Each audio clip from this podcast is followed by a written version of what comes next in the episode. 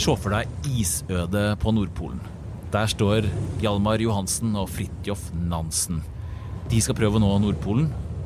Og denne dagen så spør uh, Hjalmar uh, Nansen uh, Vet du hva klokka er? «Øh, nei, jeg skulle akkurat spørre deg om det samme. Dette her har faktisk skjedd. To nordmenn står der oppe. Ingen av de har trukket opp klokka. De veit ikke hvor de er. For er det én ting de måtte ha, så var det tida for å kunne navigere.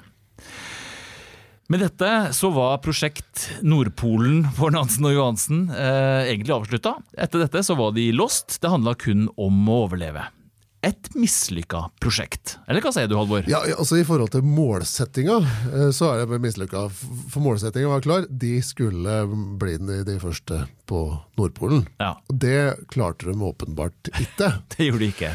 Men eh, jeg vil jo tro at på et eller annet tidspunkt så får de et nytt mål. Eh, prosjekt Overleve. Og det klarte de. Ja, de gjorde det. Utrolig nok. Og det er en glede til både, for både dem sjøl og de som kom etter.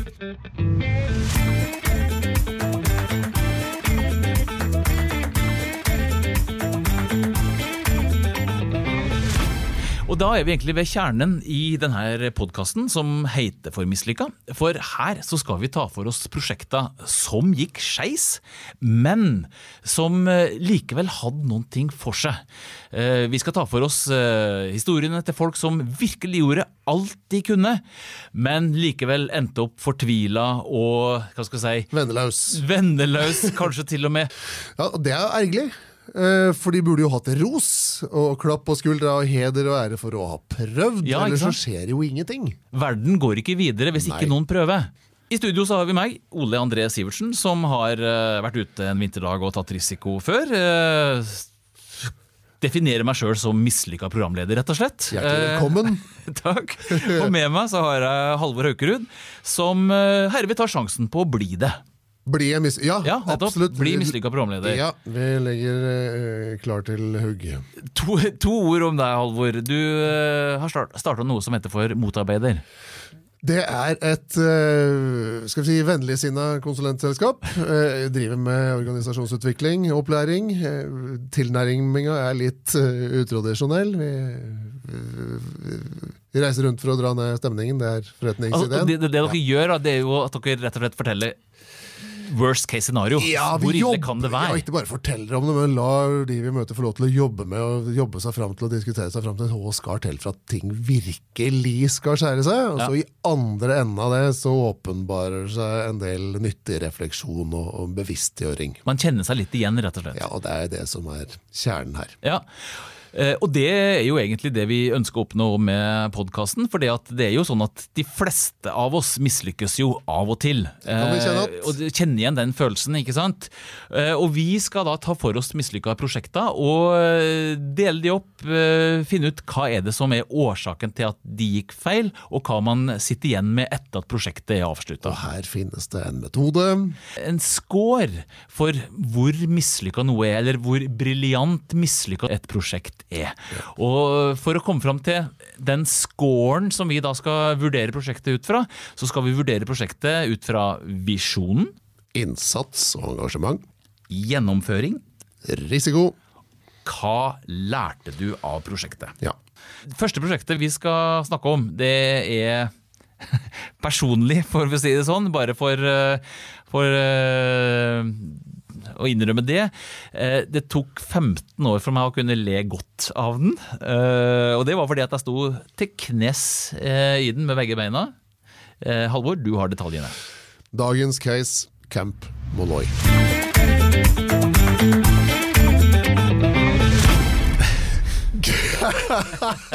du begynner å le allerede der, Ole.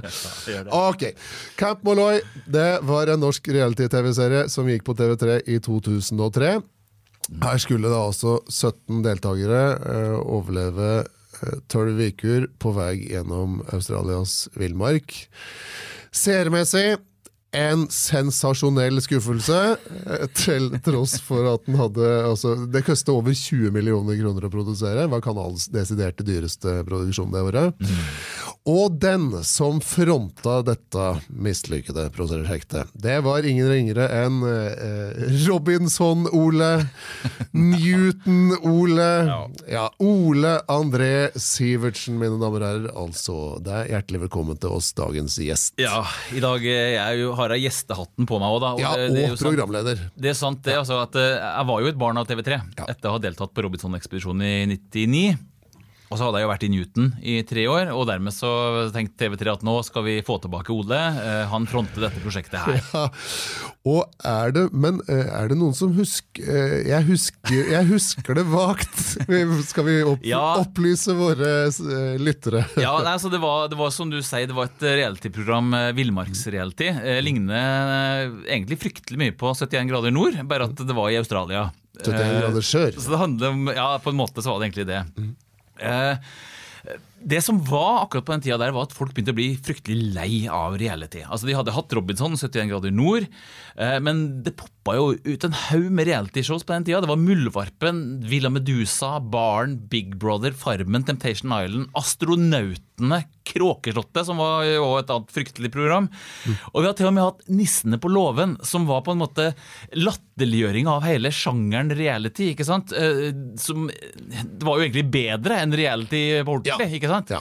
Sånn at eh, hva skulle man gjøre? Hva var det neste i reality? Og det var her da at TV3 kom med Camp Molloy.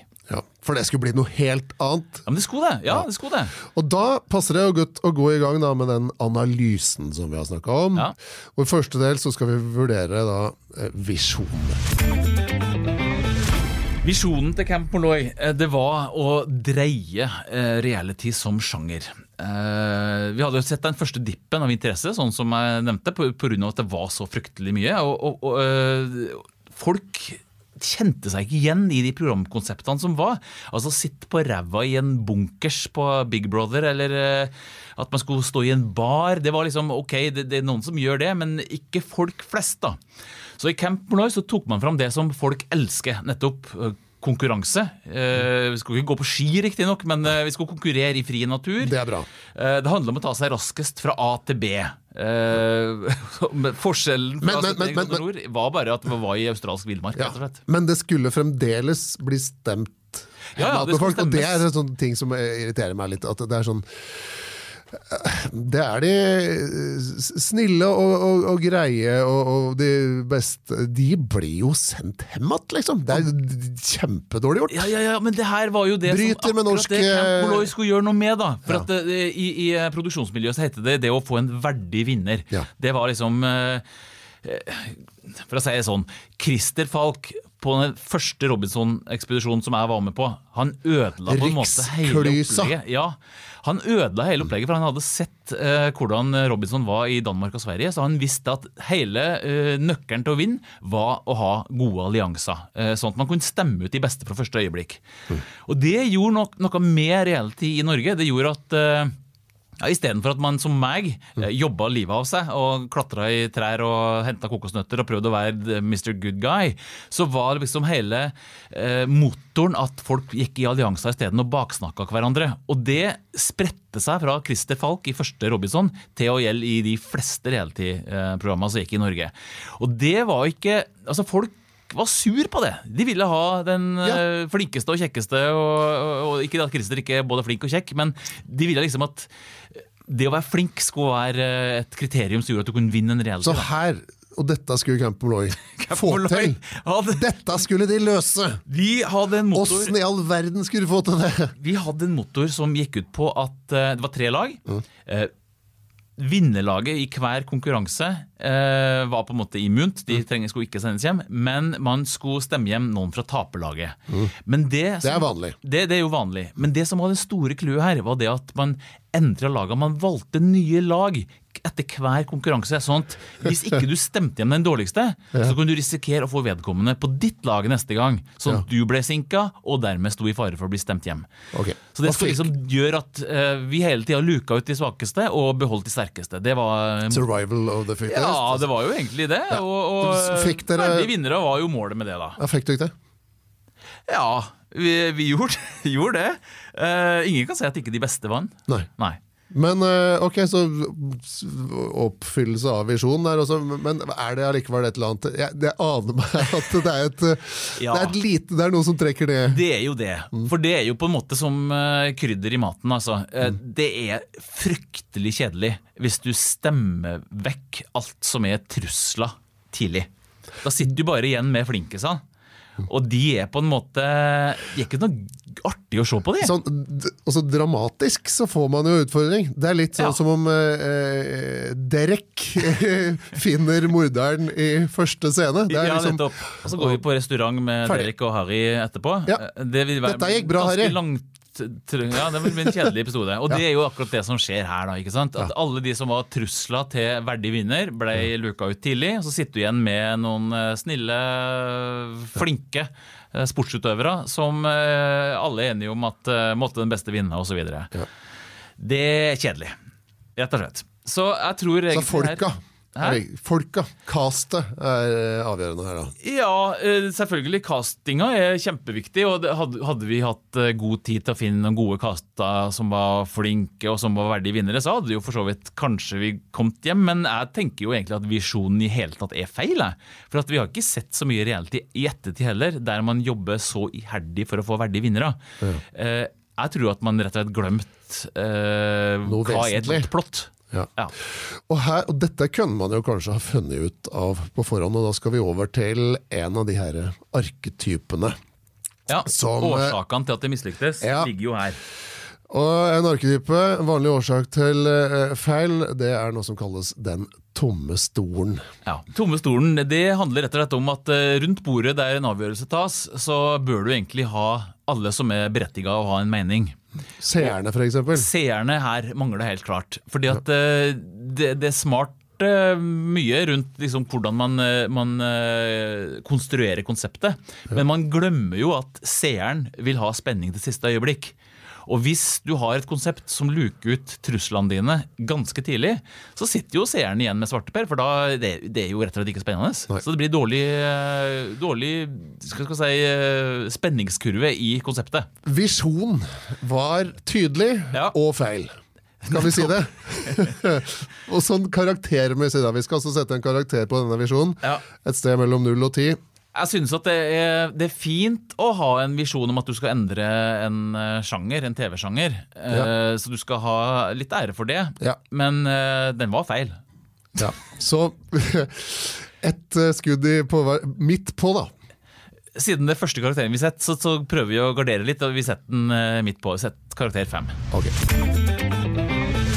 Neste kategori for å vurdere hvor mislykka Camp Molloy var. Det er altså innsatsen og engasjementet i produksjon. Um, hadde dere trua på visjon? Kan begynne der. Ja, ja, ja, absolutt. Eh, Vi, vi, vi eh, hadde trua på at eh, her hadde Strix og TV3 gjort en fantastisk planlegging, og at dette her skulle bli noe nytt. Det var vi på en måte 100 bak eh, produksjonen på. Eh, men så er det jo sånn at eh, motivasjon og engasjement den, eh, den daler jo litt når du begynner å få de første varsla om at alt ikke er så på stell som du kanskje trodde. da, sant? Fikk du noen varsler? Ja, altså jeg fikk det på første opptaksdag. Eh, Da, da, da står jeg der. Jeg hadde fått et eh, manus som jeg syns sjøl hørtes kjempetøft ut. Jeg skulle si eh, her står jeg i skyggen av Nå snakker jeg nesten som jeg er David Attenborough. Her, Ja, det er fint. Her står jeg i, i skyggen av eh, fjellet Mount Molloy med campen til deltakerne. Og her skal det lande 17 stykker helikopter på toppen av fjellet, men bare de 16 første ned i campen får være med i programmet. Wow.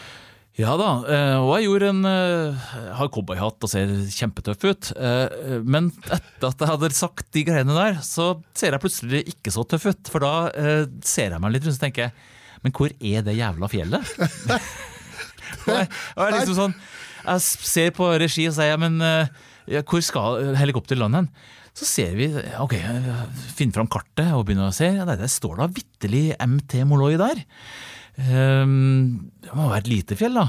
Hva, er liksom definisjonen på et fjell i Australia? Ja. Så drar vi dit, og så finner vi ut at det er jo fanken ikke et fjell. Det er Mining Town Molloy.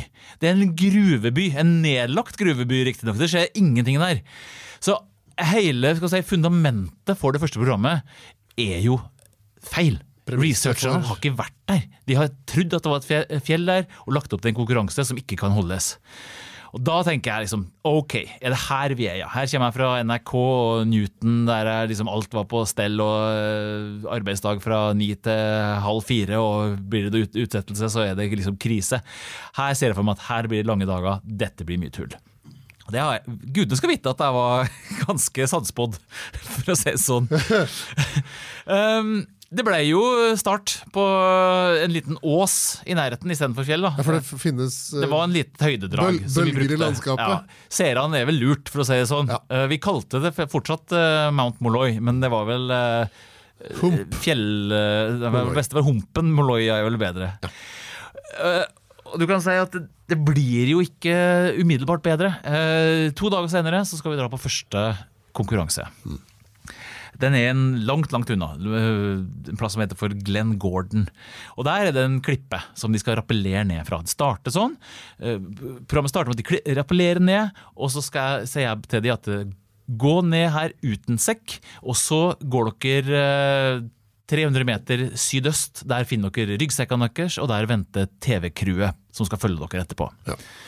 Eh, Rappelleringa ned går jo fint. Eh, mm, Jeg og innspillingslederen, etter at de er ferdige å rappellere, setter oss i helikopter eh, som skal ta meg videre dit, ja, ned, da, og så skal vi ut til målplanen. Men i lufta så ser vi jo at ingen deltakere er der de skal være. Alle er spredt. Altså, det er ingen som har noe TV-crew som følger de. Alle springer liksom hver for seg rundt omkring. Så eh, Noen er til og med på vei opp på fjellet igjen der vi starta. Og dette her er jo fullstendig krise. Så vi bruker altså en time på å sanke inn deltakere i helikopter. Rope fra helikopter. Er jo helt meningsløst, for ingen som hører noen ting. For helikopter bråker jo noe sinnssykt. Ingen skjønner noen ting. Vi peker og, og gestikulerer, og deltakerne eh, Det er jo lost, da, rett og slett. Det viser seg at eh, det var ikke sydøst de skulle springe, det var uh, sydvest, eller hva, ja, jeg husker ikke hva som var hva her, men poenget er jo at de hadde jo kompassene sine i ryggsekken, så de hadde jo ingen forutsetning for å springe den retningen. Vi har en Nansen og Johansen-situasjon. definitivt. Alt er bare kaos. Men etter ja, i hvert fall en time så får vi samla de, satt de i gang igjen sammen med crewene sine og klar for de gå. Og vi eh, drar mot mål. Ok, vi er Ja. i gang. Eh, Problemet er at vi kom aldri til mål. Fordi at eh, den bilen vi satte oss i, eh, Jørgen Hermansen som eh, var prosjektlederen fra TV3 den gangen, han skulle ta et bilde av en kenguru, eh, så seg ikke for, og krasja. Så vi krasjer. Nei, vi vet ikke hvor vi er hen, vi er lost, vi hører på oh, ok, ba- ba- ba- Ja. For jeg må bare oppsummere produksjonen så langt. Eh, det, vi mangler et fjell. I program null mangler vi fjell. Yes, eh, deltakerne har spredd seg i vifteform, og Yep. ingen har eh, noen fotograf på slepp. Det er ingen som tar Nei, de har bilder av mista dette. her. TV-timene sine. Mm. Og leiinga har krasja. Vi har krasja. Ok, og, da, men, og derfra så Nei, du kan si at uh, allerede da så har det begynt å bli mørkt. da altså, Konkurransen er jo allerede fucked up, for å si det sånn. Okay. Uh, vi tar uh, Vi finner fram til checkpoint tre. Det, skal, det er egentlig tolv checkpoints da de skal innom, sånn, de, de deltakerne. Så dette er et orienteringsløp, på en måte. Så istedenfor å dra til checkpoint tolv, så må jo vi gå til checkpoint tre fordi vi har krasja. Og der blir det jo mørkt, så vi tar en sjefsavgjørelse etter hvert. For deltakerne viser jo ikke snurten av seg. Så Nei. ser vi OK, uh, vi ser at her er mål fra nå. Uh, får samla alle bilene der uh, i mørket, og til slutt så kommer jo deltakerne inn.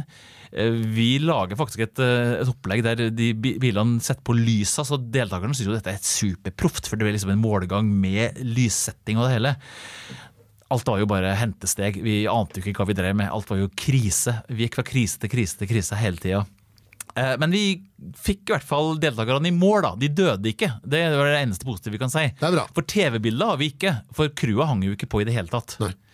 Så det her var egentlig eh, Da, da skjønte vi jo at dette her Sånn kan det ikke være i fortsettelsen. ja. Og åssen gikk det da i, i fortsettelsen?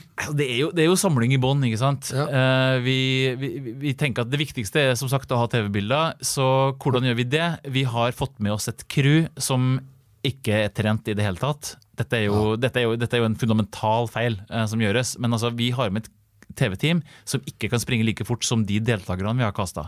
Så hva gjør vi da? Vi rekker jo ikke å trene opp crewet akkurat på to dager. Nei. Så det vi gjør, er basically å legge vekt i sekkene på deltakerne. Så de har uh, Guttene får 20 kilo i sekken, og jentene får 10 kilo. Det er ganske bra, det. Springe i australsk villmark der det er en 1000 sinnssyk luftfuktighet, kjempevarmt, og de skal springe om kapp, men med uh, vekt i sekken. Så de, de, egentlig så blir jo mye av konkurransen ødelagt der, for dette ser jo ikke artig ut lenger. Det er jo folk som går på tur i naturen.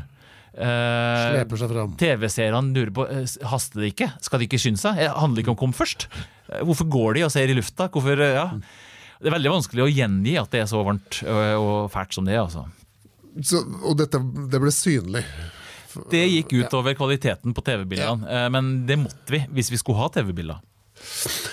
Eh, hvis du skal se etter H som ikke fungerer her, så åpner det seg altså det, skal vi si, Jeg ser umiddelbart at det er flere ting som, eh, uh, som gjør at dette her skjærer seg. Det, vi har jo en, uh, en sånn klassisk arketype som heter The Canyon. Ja. Mm. betyr at du bruker tidligere erfaringer og rutiner på å løse nye utfordringer. Altså du brukte crew fra ja, de produksjonene som Strix hadde gjort før. Det var Robinson og Farmen. altså Folk som stort sett var vant til å sitte på ræva og ta god lyd, Ja. de ble plutselig sendt ut i bushen for å springe. ja, Forskjellen her, altså det er forskjellen på produksjon på øy. eh, øy det er forskjell på øy og kontinent, kan vi si. trygt seg. Ja. ikke sant? Så det som skjer her, det er jo da at eh, man tar med seg en haug med rutiner og måter å produsere på Mm. i et nytt konsept som overhodet ikke, ikke stemmer med terrenget. Ja. Ja. Så der eh, brenner vi oss eh, big time. Og det er ikke så lett å gjøre noe med heller, fordi at vi er tross alt eh, Der i Australia ja. med både deltakere og, og ansatte. Så ja. eh, Andre ting? Hva skal vi si? Altså, dette her går jo veldig utover motivasjonen og, og engasjementet eh, til crewet. Vi eh, starta bra, eh, havner nedpå et, eh, nesten på et eh, nullnivå, vil jeg si. Ja. Men eh, TV-folk er veldig pliktoppfyllende. Vi gjør det vi, vi skjønner hva som må til for å ha program. da. Eh, Hvilke bilder man må ha, hvilken lyd man må ha. Så at vi, vi, jeg vil si at de tok seg i nakken og klarte å, å holde innsatsen oppe. Vi fikk program, ikke sant? Ja. Så, så hvis du skal gi en karakter for innsats og engasjement, så tenker jeg ikke det helt bånn. Det er midt på treet. Det er midt på treet der Så òg. den, ja. Si sier femmer, da. ja. Vi går videre eh, til neste punkt, som er gjennomføring. ja. Produksjonen eh, eh, Det ble gjennomført. Jeg har, jeg Ja, har jo selv jeg har altså sett Det gikk jo på TV. Ja da, det gjorde det. Og det, var, det, var, det gikk jo flere dager i uka. Det var jo fire sendinger i uka, og det var jo et eh, hva skal jeg si, Det det ble jo lagd ganske mange program, eh, men det ble gjennomført. Og det er klart at eh, når du har investert såpass mye som du har, eh, så er det jo bare tap hvis ikke du sender det. Ja. Eh, Men vi sleit altså eh, veldig med logistikken for å få gjennomføringa eh, gjennom, rett og slett. da. Eh, Crewet var utkjørt, eh, det var matforgiftninger. Det var alltid vanskelig å få fram mat av en eller annen grunn. Du skulle tro at eh, Australia var et eh, i-land med klare avtaler og den type ting. Det var det ikke. Det, det var svært. I outbacken så var det Texas, rett og slett. Men dere var der lenge. Jeg tenker at Når dere er der så, over så lang tid, så må jo ting begynne å gå seg eh, til etter hvert. Ja. At man liksom på slutten av produksjonen, så er det sånn Ok. Hva skal tro det? Ja. Altså Vanligvis så vil jeg si at en sånn eh, rytme i en TV-produksjon er at eh, det bygger seg opp en misnøye med det som ikke fungerer etter to-tre uker. Eh, og så finner man en løsning, og så deretter så blir det, går det seg til, da. Og så også i denne. Nei, det var ikke det. Nei. Det var et helvete hele veien. Fra start! Altså Hvis folk ikke får mat, så blir de sure. Ja, det skjønner jeg. Eh, og, og, og, og vi var på nye plasser, nye utfordringer hver gang. Det var liksom eh, Ingen konkurranser ligna på hverandre. Eh, og, det gjorde at det egentlig aldri ble noe flyt. da Dukka stadig opp nye bratte nedoverbakker. Det var, det, var, det var stadig nye fjell som mangla, matpakka som mangla. Det, var- det var sånne ting. Ja. Uh, og du kan si at uh, Lag fjellet komme til meg. ja, Det hadde vært mye enklere. Altså, ta, kan, vi kan godt ta fra finalen. da Selve Ja. finalen skulle du jo tro at nå er det plankekjøring, ikke sant? Ja. Eh, Der havna man på vinn... Var det verdige finaledeltakere? Ja, gutta var i hvert fall de to på en måte som kanskje var de beste atletene. Ja. Var de som var igjen På jentesida så hadde vi faktisk en utfordrer, litt sånn eh, Hva skal jeg si litt Jentene sånn wildcard. liksom, som- eh, ja, det, var, det, var nemlig, det var nemlig en guttefinale og en jentefinale. Ja. For her skulle jentene nå være med hele veien. Det, var, det skulle være verdig både gutta og verdig Ja, ja. jenta. Eh, men jeg kan fortelle fra jentefinalen, for der var det på en måte som vanlig, skal jeg si. Vi mista eh, finalistene. De sprang ifra uh, teamet sitt. de hadde trent seg opp nå, vet du, etter så lang tid. Ja, de, med 20 begynte- i ja, ja, de, ble jo, de ble jo bare bedre og bedre trent. Ja. Uh, Men det gjaldt jo selvfølgelig teamet òg, men, men deltakerne sprang jo veldig fort etter hvert. Ja. Så du kan si en klassisk scene for meg er å stå på en eller annen, et eller annet høydedrag, se utover og vente på eh, liksom få litt eh, info om hvordan det ligger an. Eh, og så begynne å se etter helikoptre som leter etter deltakere. det skjedde her òg.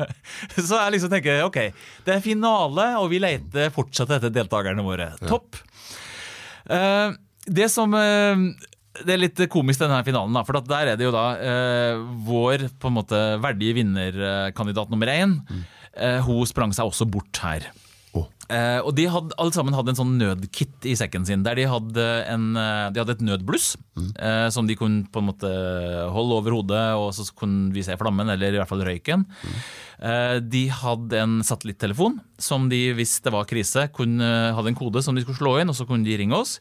Og til slutt så hadde de det som kalles for en nødpeilesender, som ikke går til oss, men som da aktiverer redningstjenesten i Australia. Ja. Og den var i hvert fall sånn Aldri trykk på den med mindre du holder på å dø. Det er liksom eh, budskapet der, da. Ja. For det koster jo fryktelig mye penger eh, å aktivere det, og det må vi betale. Eh, I hvert fall hvis ikke det ikke var død, og fare for død. Så Hilde, som hun heter her, da. Både hun og konkurrenten hennes Siv har sprunget seg bort. Vi vet ikke hvor de er hen. Alle leter etter de. Vi har sendt ut helikopter, vi har sendt ut speidere. Hilde bestemmer seg for at hun er så lost, sikkert for at hun tenker at hun taper til finalen, og sånn, så hun eh, aktiverer her nødblusset. Hun knekker det i to og holder det over hodet. Ja. Men hun står da midt inne i regnskogen, så det er ikke sånn vanvittig effekt av å ha et nødbluss når du står eh, langt under et stort, stort tre. Men hun holder i hvert fall det oppe, eh, innser at det var meningsløst, kaster det fra seg vurdere om hun skal ta satellittelefonen og prøve å få til det. Men hun har rota bort koden, eller hun, hun fikk det ikke til. i hvert fall da. Så eh, neste instans er rett og slett at hun ikke får ringt oss heller. Og blir fryktelig lei seg. Eh, setter seg ned på bakken for å tenke. Ja. Og da setter hun seg på det gamle nødblusset, som fortsatt er glovarmt. Så får en Jeg skal ikke det er en tredjegradsforbrenning, men det er i hvert fall en alvorlig forbrenning i rumpa. Og det tenker hun da er alvorlig nok til å trykke på nødpeilesenderen. Ja, og det kan jeg forstå.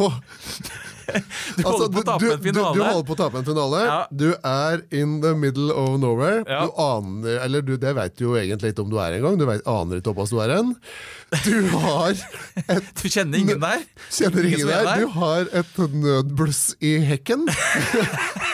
og, og, og rett ved siden av deg så, så ligger det altså en knapp Ja. hvor det står noe i retning av at eh, Opplever du situasjonen som livstruende? Ja.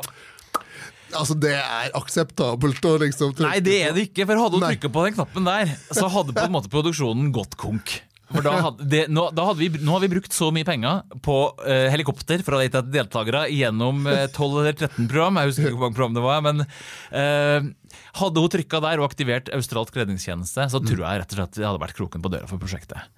Men hun står med nødpeilesenderen i hånda.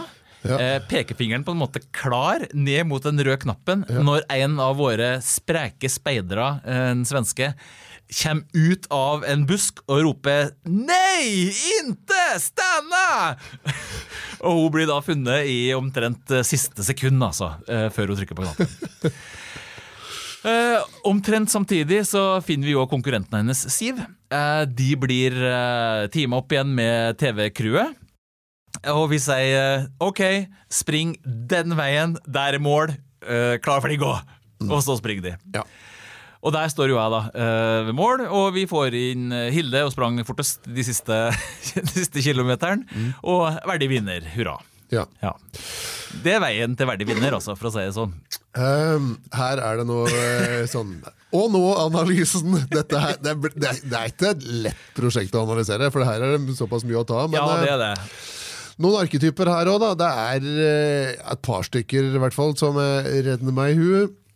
Noe som uh, heter uh, bananskall, som, Ja. som er litt som man jo Du forstår hva det betyr, på ja, en måte? Det er litt sånn Ja. ops! Det er noen tilfeldigheter som man jo Ikke rår over, Nei. Ja. Ja. Og så er det et uh, Jo, en arketype som heter Den svarte svanen. Ja. Eh, uforutsette ting kan, kan hvor, Hvorfor heter det Den svarte svanen? Det, det kommer av altså, eh, Det var et uttrykk i engelskspråklig delen av verden eh, for si, mange hundre år siden. Så man, sa man liksom at det var like sannsynlig som en svart sane, svane.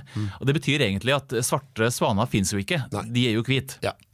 Men det som skjer når man oppdager Australia, eh, apropos, Ja. det er jo at hva finner man der? Svarte svaner! Nettopp! Ja, Så det ble istedenfor å være et uttrykk som sa at eh, eh, sånne ting kan ikke skje, så ble det et uttrykk som etter hvert betyr at det mest usannsynlige kan, Kan faktisk skje. skje. Ja.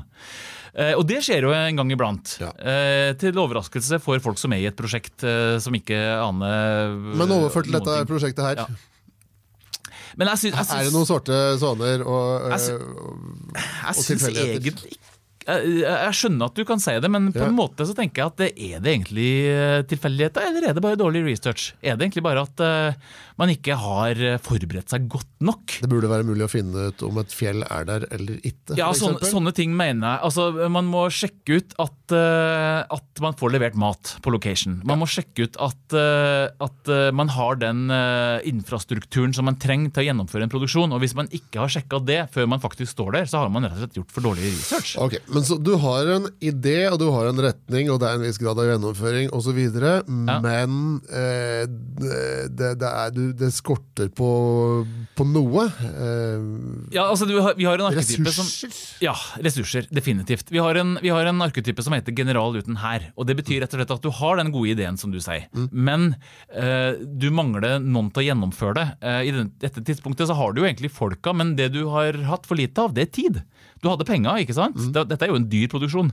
Men tidsmessig så blir altså ah, eh, tida fra at TV3 tar en avgjørelse, til at faktisk Strix må sende folk til Australia, er altfor kort. Kvarter. Det er omtrent et kvarter. Nei, det, det, er, det er seinhøstes at avgjørelsen tas, Ja. og det er i desember vi drar. Åh, ja. Ja. ja, det er tett på. I TV, det er et kvarter i, i Du skal ha crew, og du skal ha Ja. casting, og du skal vite noe om der du skal eh, i Australia. Og det eh, Jeg vil kanskje også si at man burde ha benytta mer folk fra Australia til å lage en TV-produksjon i Australia, og ikke kjøre hele gjengen fra Sverige. Men det er vel, det er vel noe med avskriving av utstyr og få med folka du faktisk har ansatt, som, som er med her da, i, i regnestykket.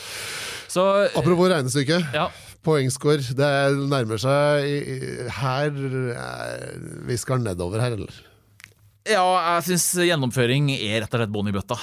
Altså, men, men Men det er ikke Men er vi helt nede på null, liksom? Er det sånn altså, Det er det de- det, de- står de- imellom. Er det null i regn? Er, Ja, men du, mener altså for din del, Ja. altså du sto jo dette her øh, Du gjennomførte jo her, ser Ja. vi Ja. Du, du kunne jo ikke stå liksom og si at her har vi et, enda et øh, helikopter som leter etter Siv. Ja. Nei, Nei, det- du har rett i det. Altså. Altså, Det, det, er jo, det er jo program. det er et program. Ja. eh, det ble gjennomført. Mm. Eh, så vi Vi kan ikke gi det null. Jeg er enig da. Men én, ja. Jeg syns ikke vi skal ha noe høyere enn én, for dette her var skikkelig ræva. Og det er, altså, i bransjen sier man på en måte at uh, samme hvor dårlig det er, så, så kan man uh, Hvis noen kjenner til Camp Molloy, så heller på en måte kjeft. Vi skal videre. Neste punkt er risiko. Mm. Eh, vet du, altså National Geographics eh, eh, TV Ja. De har uh, laga et TV-program som heter 72 farlige dyr i Australia. Ja. De har episoder som Raske og rasende, Død eller levende, Onde skapninger. Eh, brutale bit av min favorittepisode. Det er 'momentant død'. Det er, Ja, ja, Du nå er kan vi- dø en momentan og slem død i Australia. Altså. Ja, ja, altså, Nå er ikke dette her som uh, eh, Det er ikke akkurat dette her som menes med prosjektrisiko men, uh, i, i, vår sammenheng. Men det var tross alt i Australia. eh, eh, Det kan jo være farlig når du er ute. Var, var dere trygge? Kan vi bare eh, Ehm, jeg vil si ja og nei. Jeg vil si Når vi kommer dit, så er vi jo livredde. Da har vi hørt om alt dette her, de 72 dyra som du sier, og at vi kan omtrent dø av alt. Eh, så er liksom oppfølginga på det er kanskje litt sånn slapp. Eh, du springer rundt i begynnelsen med, med gamasja. Hadde vi på oss tjukke sånne lærstøvler fra, mot Fra- slangebitt. Noe de har tatt med seg fra 71 grader nord. Ja, antakeligvis omtrent noe restlager der. Ja. Og så eh, etter hvert så, så mister du på en måte, du senker skuldrene, og etter hvert så er det liksom eh, sandaler i, eh, i regnskogen. regnskogen. Jeg husker at jeg så slanger som var i nærheten av folk, men at jeg sa ikke fra, For jeg tenkte at det skaper mer oppstandelse enn eh, vi har tid til liksom nå. Ja. Det var ingen rutiner rundt det. Det var det ikke. Jeg har også et eksempel på noe som kunne gått veldig ille når det gjelder eh, risiko. Det var en eh, fotograf som heter Christian. Han fikk beskjed om å dra på en sånn krokodillefarm. Og skulle filme krokodiller da, på nært hold. Eh, Det han fikk beskjed om, var jo ikke len deg utover båten, for krokodillene kan komme opp av vannet i en vanvittig hastighet og ta deg med ned i vannet igjen. Og det er jo sånn som, ok, Du hører det, så tenker du det sier de til alle. Dette, Hvor farlig kan det være? Så han tok seg i hvert fall friheten at han tok kamera over ripa på båten. Da. og Det var, det var et gelender der i rekke da, som, som er sånn aluminium, så han tok, la kamera over den. Og så bøyer han seg sånn forsiktig utafor, for han ser konturene av en krokodille ned i vannet der. Ja. Og så bare Altså, dette er kanskje noe med nordmenn og svensker, at vi tenker at vi vet bedre enn en de lokale. Det Men altså, han høres jo tenker litt at ut som pilking. dette, hvor galt kan det gå? Og han fikk se hvor galt det kan gå. Ja. For den krokodilla kom fykende ut av vannet i en napp. sinnssyk hastighet. Med åpen kjeft. Og altså, han klapper rundt kameraet hans. Så han, eh, men til hans hell da, så kiler kjeven, underkjeven seg på undersida av det rekkverket på den båten, sånn at krokodilla kan liksom ikke komme lenger enn at uh, munnvikene fester seg i aluminiumskanten på den eh, båtrekka. Det er store kjefter, men han klarer er ikke å sluke en båt. Det er jo 40 cm, 50 Ja, ja. cm lang kjeft, ikke sant? Men den da har vi da tannmerka fra den kjeften som sklir nedover kamera, over eh, kamerahuset hans og ut på linsa. Og han står jo helt vantro, han holder jo på kamera. øh, han- hadde sikkert en sånn vest, så kameraet var festa i, i, i seg sjøl òg. Men altså, det er bare flaks at ikke han ble dratt ut i vannet. Og det er jo et fantastisk eh, Bilde. bilde. Problemet er at det går så fort. da Det er bare liksom noen få frames, men vi bruker det i vignetten på Camp Molloy. Men altså, den der erkjennelsen til Christian etterpå eh, Jeg tror det tok to dager for han, for, for han innså at en ting var at han fikk et fantastisk bilde, men han kunne faktisk ha blitt spist av en krokodille. Det, det er liksom noe å ta med seg til historie til barnebarna, tenker jeg da. Ja, Men, altså, det, det, men det handler noe om Lytt det lokale, ikke sant? Vel fra hvor du går og bla, bla, bla. Eh, eh, Ja. Hvis ikke du får gjentatt det der mantraet hele tida, så senker du skuldrene, du glemmer det og blir Ja. litt sloppy, og det mener jeg Christian ble der. Men prosjektet i litt større perspektiv. Ja. Det er åpenbart et prosjekt med høy risiko. Ja. Altså det er 20 millioner kroner. Mm. I 2003, eh, altså en 6-27 millioner nå. Ja, ja. Dagens penger, det er penger det òg. Det er sjelden det settes i gang så styre, store TV-prosjekter, si sånn. Nytt konsept. Ja. Eh, mye upløyd mark, eh, bokstavelig talt. Eh, kort tid Mm. Har du vært innom. Og reality-TV var jo på vei nedover. Mm. Eh, Så det var jo egentlig ingenting Det, det var jo egentlig en sånn eh, nå skal vi reise kjerringa og finne på noe helt nytt. Eh, Så dette her var jo veldig risikabelt. Ja. Men det å bruke mye penger på kan jo òg på den andre sida være en sånn eh, forsikring da, sørge for at det, ja, du har råd til å, å, å, kjøpe deg ut av trøbbel. Eh, som ikke jo Ja, ja du kan jo si at du skulle tro at da har du, har du ressurser, eh, mm. nettopp for at du kjøper, bruker mye penger på det. Men eh, eh, den største risikoen er jo uansett til syvende og sist at ikke det skal være noen seere. Ja. Altså, du, kan, du, kan, kjøpe en så dyr eh, produksjon du bare vil, ja. men eh, når, du er, når, du prøver noe nytt, så vet du jo heller ikke om du får pengene igjen, da, eh, som igjen er avhengig av å få eh, nok seere. Ja. Så det er jo alltid risikabelt. Og i dette tilfellet så feila det jo. Eh, jeg har sagt, no, har jo sagt noe om eh, hvordan, hvordan, dette her konseptet var. Nettopp at du skulle starte med lag, det var om å gjøre å være første lag i mål osv. Mm en av de store feilene her var jo, i tillegg til at vi luker bort de som er artige å se på på TV, nettopp de som konspirerer og ja, ja. litt sånn skal vi si, eh, De onde, for å si det sånn, da. Ja. Eh, så er det jo veldig vanskelig når du skal se på TV-program, og så bytter man på laga hele tida. Ja. I begynnelsen så er det liksom sånn. Ja, Du blir jo ikke kjent med folk eh, med en gang. I begynnelsen så forholder du deg til at de grønne de er flinke, og de røde de var litt artigere. ikke sant? Ja. Eh, men vi, vi, hadde jo grønne, og røde og blå, men eh, etter noen program så bytter vi på laga med en gang. Og da husker du ikke hvem som var hvem i det hele tatt. Det tar litt tid å bli kjent med 16 personer, for å si det sånn. Ja. Så seerne var forvirra.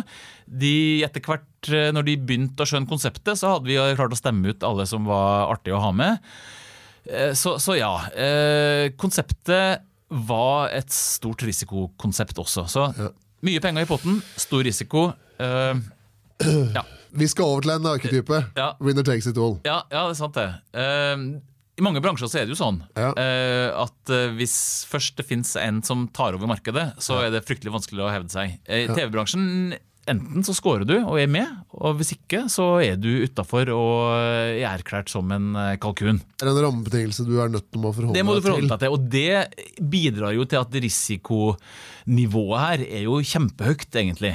Nytt konsept. Eh, svart-hvitt eh, hvordan uh, seerne tar imot det.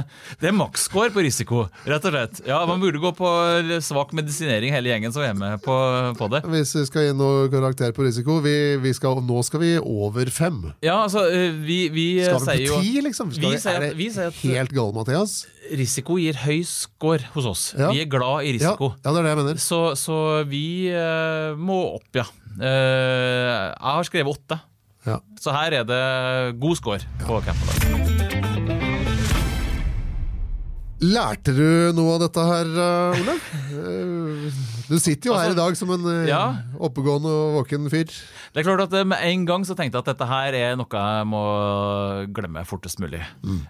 Men så, ettersom året har gått, så tenker jeg jo tilbake på Det er vanskelig å glemme. Det er vanskelig, vanskelig å glemme, Men samtidig så tenker jeg også at det var egentlig det var fantastisk artig. Hvis du ser bort fra at du følte at det var helt på trynet. Så hadde vi fryktelig mye artig og en veldig sammensveisa gjeng, den gjengen som var der.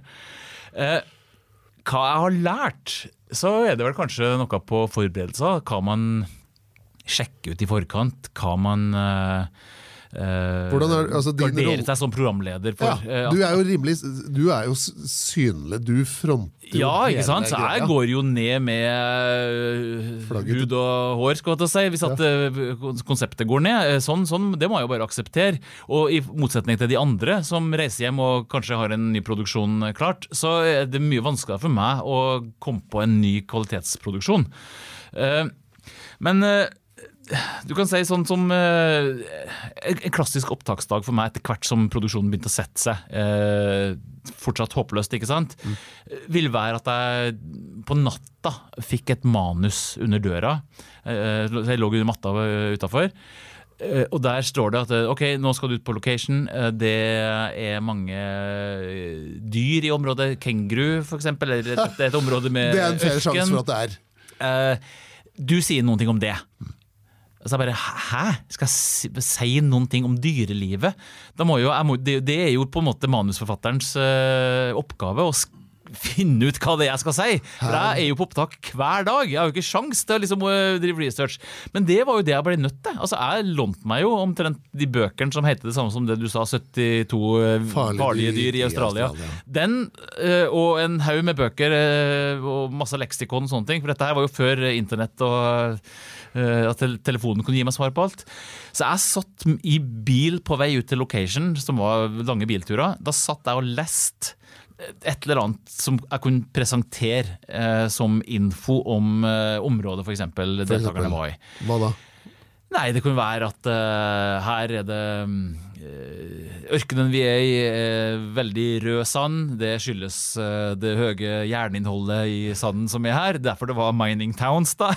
mining, mining town Molloy. Det kan jo være det koselige nebbdyret, som er et av de mest primitive pattedyra, som faktisk legger egg til tross for at det er et pattedyr.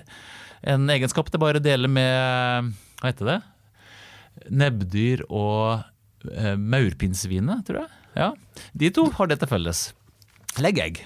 Ja, vet, Artig. vet det, det, vet jeg- Ja. Dette- og dette hadde jo ikke du Nei, det hadde jeg jo ikke lært i dag. Ja, nei, da. nei, men jeg, jeg tror ikke det, det var nok ikke det jeg lærte om Australia, kanskje, som jeg tar med meg, men det var liksom det å Hvordan jeg profesjonelt nærmer meg en produksjon uh, for å sjekke at alt er på stell. Det, det har jeg virkelig fått med meg etter dette her. De andre, da?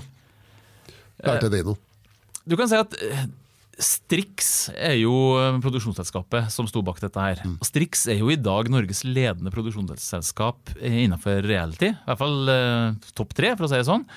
Og Camp Molloy er nok en av de produksjonene som de eh, står på eh, sånn erfaringsmessig eh, Som ligger i sekken når de eh, går ut med nye konsepter og tester ut ting. Eh, det var bratt læringskurve på, på Robinson og på Farmen og på Camp Molloy. og var, De har lagd flere ting. Jeg har vært med til å lage håpløse ting, flere håpløse ting med Strix. Men altså, det er jo det som gjør at de eh, i dag er et bra produksjonsselskap, med kvalitet i alle ledd. Det er ikke sånn at de runda av prosjektet og tenkte å si at vet du hva, eh, nå glemmer vi dette. Snarere tvert imot. Man har huska det, og man har fått med seg noe av det. Kanskje det første man tenker at man skal glemme det, men det er jo der. Man er jo en sum av alt man har gjort. Så jeg tenker at her er læringa er Er det, skal vi topp? Ja, topp, bokstavelig talt. Ja. Eh, Fra null til ti. Jeg er villig til å bruke tieren. Ja, jeg er det. Ok. Oppsummeringa. Ja. Bare for å begynne med, har vi vært litt slemme med Strix og TV3 nå? Eh, nei, jeg er, jo en, jeg er jo en del av det. Dette er sjølironi. Vi ler jo med Strix og TV3, gjør vi ikke det? Jo, jo Eh, absolutt. Altså, eh, Hvis jeg ser på det i bakspeilet, så tenker jeg at det så jo fryktelig håpløst ut, det vi holdt på med. Men eh, altså, når jeg tenker på prosjektet i ettertid, så er jeg jo glad for at jeg var med på det. Så jeg, så jeg syns at eh, Jeg håper at vi liksom kommer til en bra karakter totalt sett. Ja, vi skal se på det. Brilliant, da. Eh, tallenes tale Ja. sier jo noe om det, og mislykkede faktisk var. Vi har kategorien visjon. Ja. Landa på karakteren fem. ja. Det var en god visjon, men uh, den var ganske feil. I uh, kategorien innsats og engasjement så havna vi òg på karakteren fem.